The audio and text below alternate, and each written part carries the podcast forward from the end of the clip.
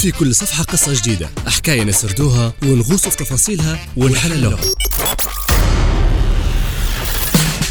باش نقروا بين سطور مواضيع وأحداث كتيرة في عالم متغير. استمع وتصفح معنا في كل يوم مع ناس مجازين على ناس بودكاست.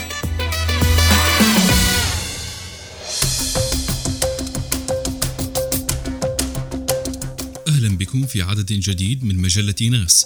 يأتيكم عبر راديو ناس 104.5 FM في طرابلس الكبرى وعبر البث الرقمي ناس ومنصات البودكاست في خدمة ناس بودكاست. إليكم أبرز مواضيع اليوم. خبير أسلحة ذرية يحذر من أربع سيناريوهات نووية كلها مرعبة.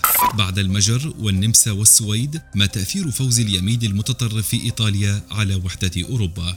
فنان الصراخ في السينما عندما تصبح الحناجر القوية وسيلة لكسب الرزق. إلى التفاصيل. إذا تأكدت خسارته الحرب في أوكرانيا فقد يلجأ الرئيس الروسي فلاديمير بوتين للخيار النووي. فكيف سيكون ذلك؟ وما الذي يمكن للغرب أن يفعله في تلك الحالة؟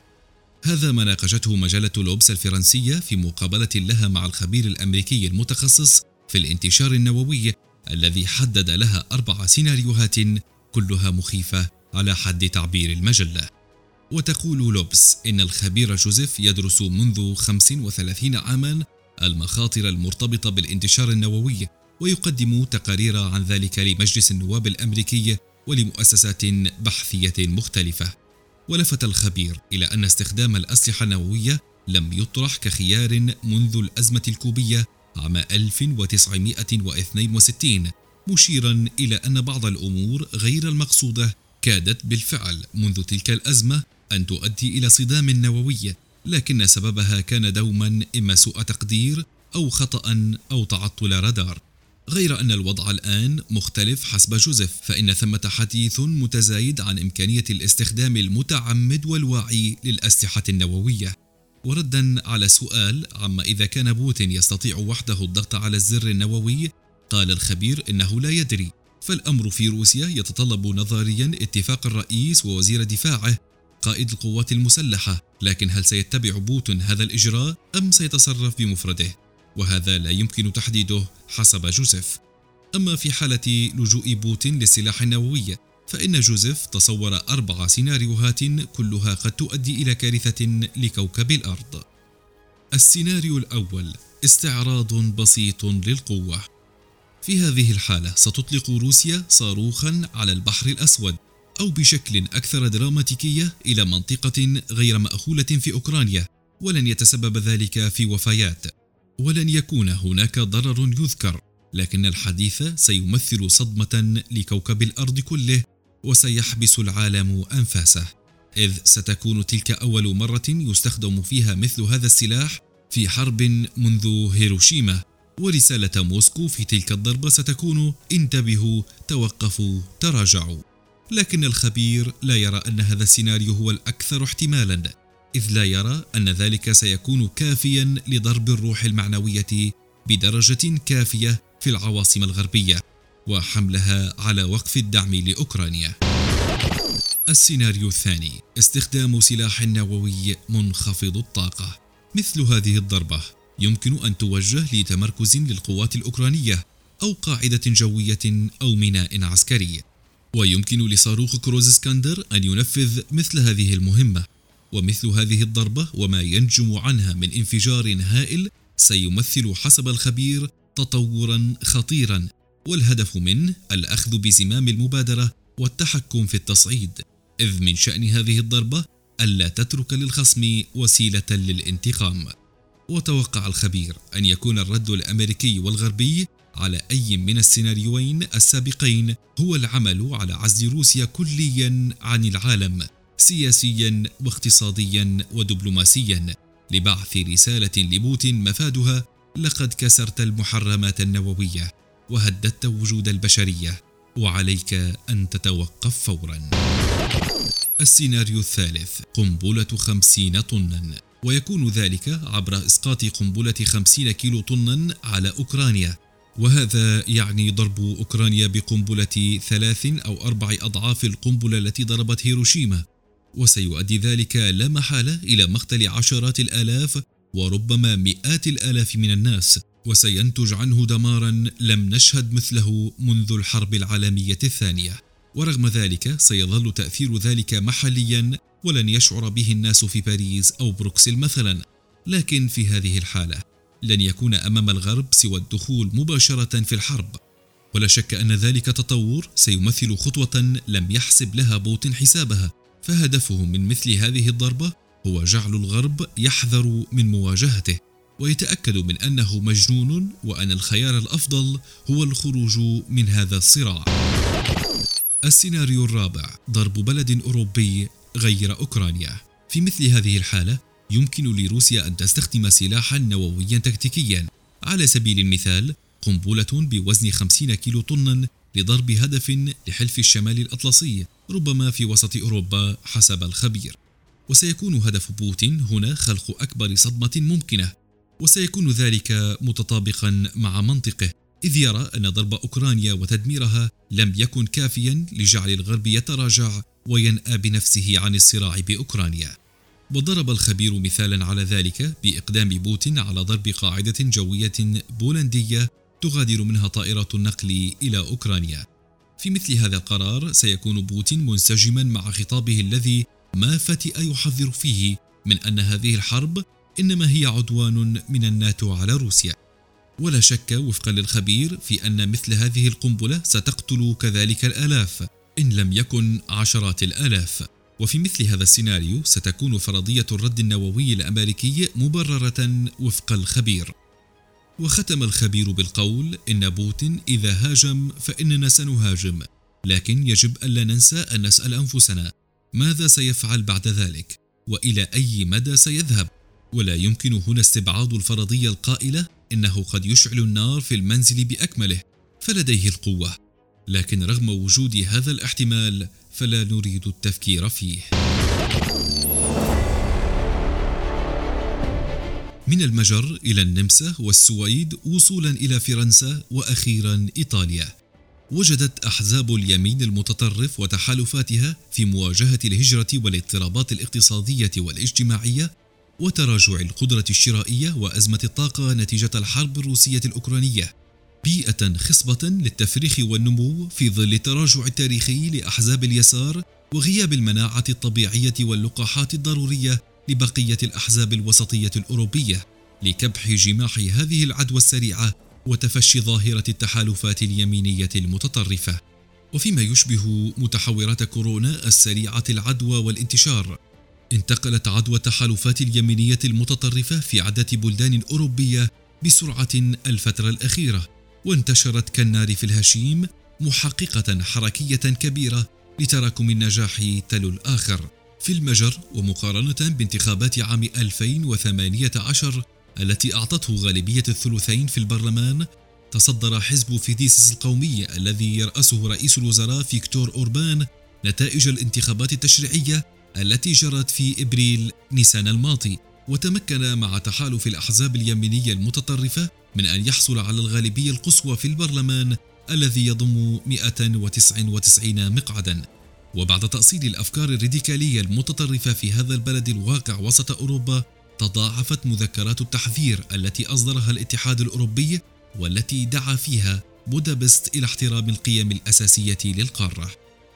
وفي فرنسا ورغم عدم فوز زعيمة حزب التجمع الوطني اليميني المتطرف مارين لوبوا بالانتخابات الرئاسية الأخيرة فقد استطاعت أن تغير صورة حزبها لتجعله أكثر قبولا لدى الفرنسيين. وأما السويد فقد فازت فيها الكتلة المكونة من اليمين المتطرف واليمين المحافظ الليبرالي بالانتخابات التشريعية التي جرت في الحادي عشر من سبتمبر أيلول المنصرم حيث حصلت على 176 مقعدا 173 مقعدا لليمين الوسطي والخضر.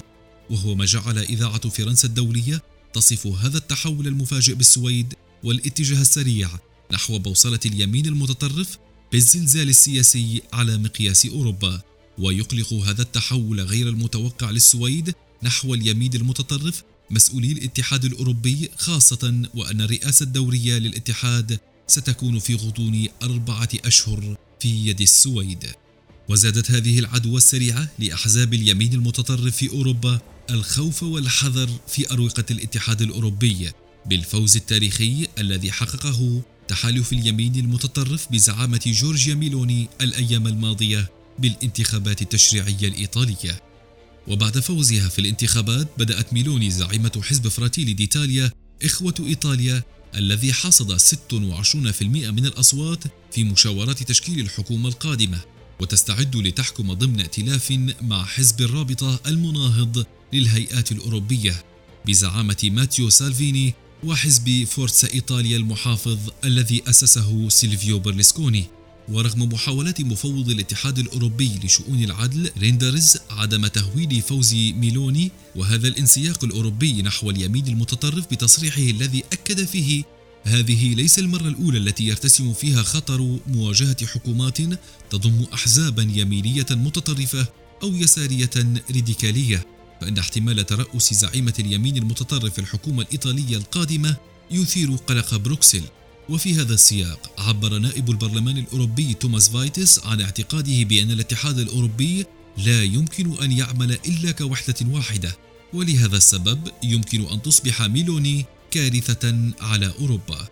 وعلى صعيد آخر أعلن الكرملين استعداده لتطوير علاقات بناءة مع روما بعد فوز زعيمة اليمين المتطرف في الانتخابات بإيطاليا. ويثير شعار ميلوني الله الوطن العائلة الذي يتبنى المصلحة القومية الإيطالية على الأوروبية القلق بأروقة الاتحاد.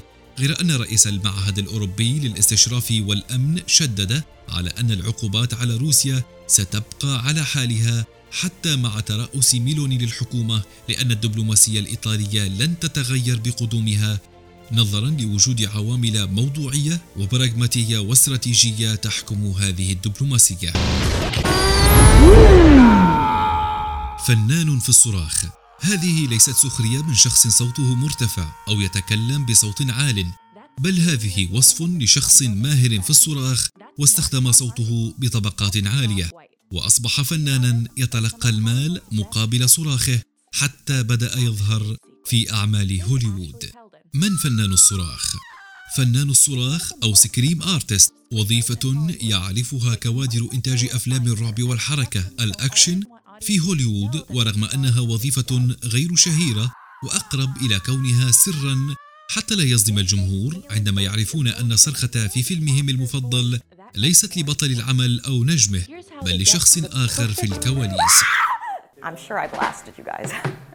A lot of the sounds captured on set aren't actually usable, so they have to be re recorded later. The great uh, background actors who are there on set that day who probably weren't mic'd, or maybe there was too much going on in the noise, they'll have wind machines going and sound effects, or you'll have like the stuntman or the director yelling at the actors.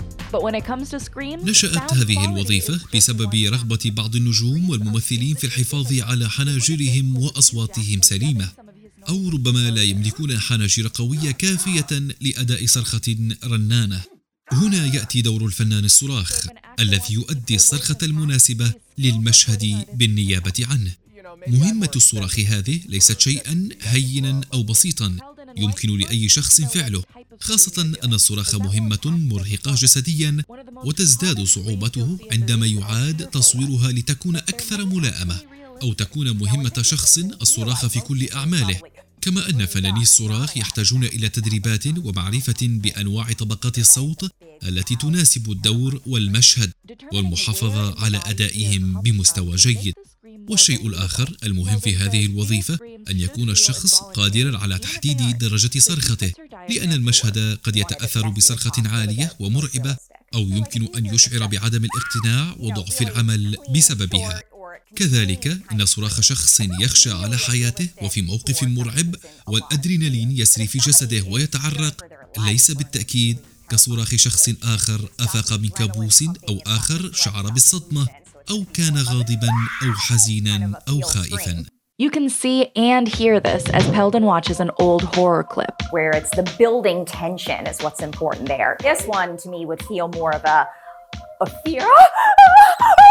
building kind of scream rather than a وفي السياق كشف فنان الصراخ الذي أدى صرخة الطيار الذي ألقي من طائرة مروحية في فيلم إنكريديبل أن المهمة تصبح أصعب عندما يؤدي صرخة نجوم كبار. إن صرخته مكان توم هاردي أثناء مطاردة الدراجة النارية في فيلم فينوم احتاجت منه إلى دراسة النجم هاردي وما يجعل صوته مميزا بالنسبة للجمهور حتى يحاول الوصول إلى نفس طبقة الصوت والأداء. كما أن أداء مشهد واحد قصير يستغرق من فنان الصراخ دقائق قليلة قد يرهقه ويجعله يتصبب عرقا. ويقول فنان الصراخ سكوت وايت أنه عندما يطير هاردي من درجته النارية اضطر هو للصراخ لمدة عشر ثوان مع الحفاظ على طبقة صوت هاردي لتكون مقنعة إضافة إلى أن الصرخة كانت مكتومة.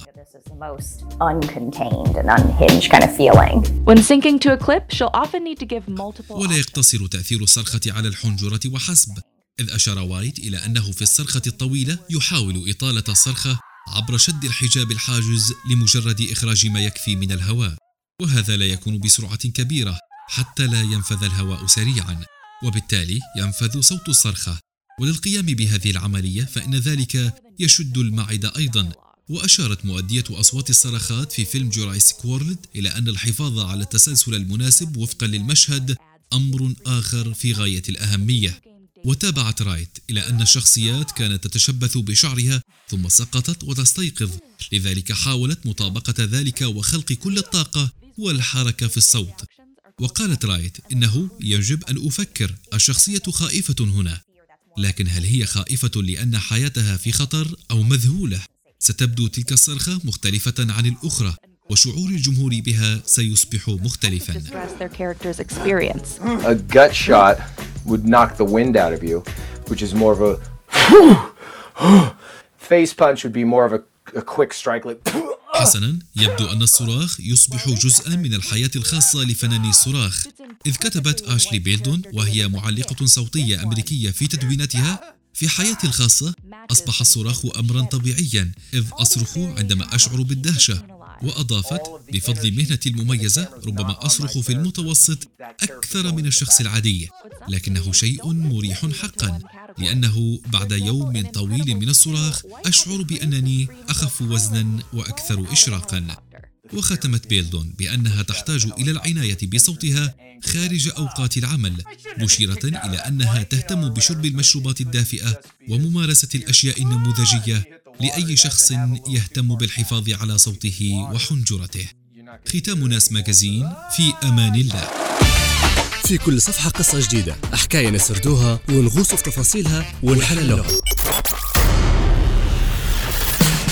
باش نقرب نسطورها مواضيع وأحداث كتيرة في عالم متغير.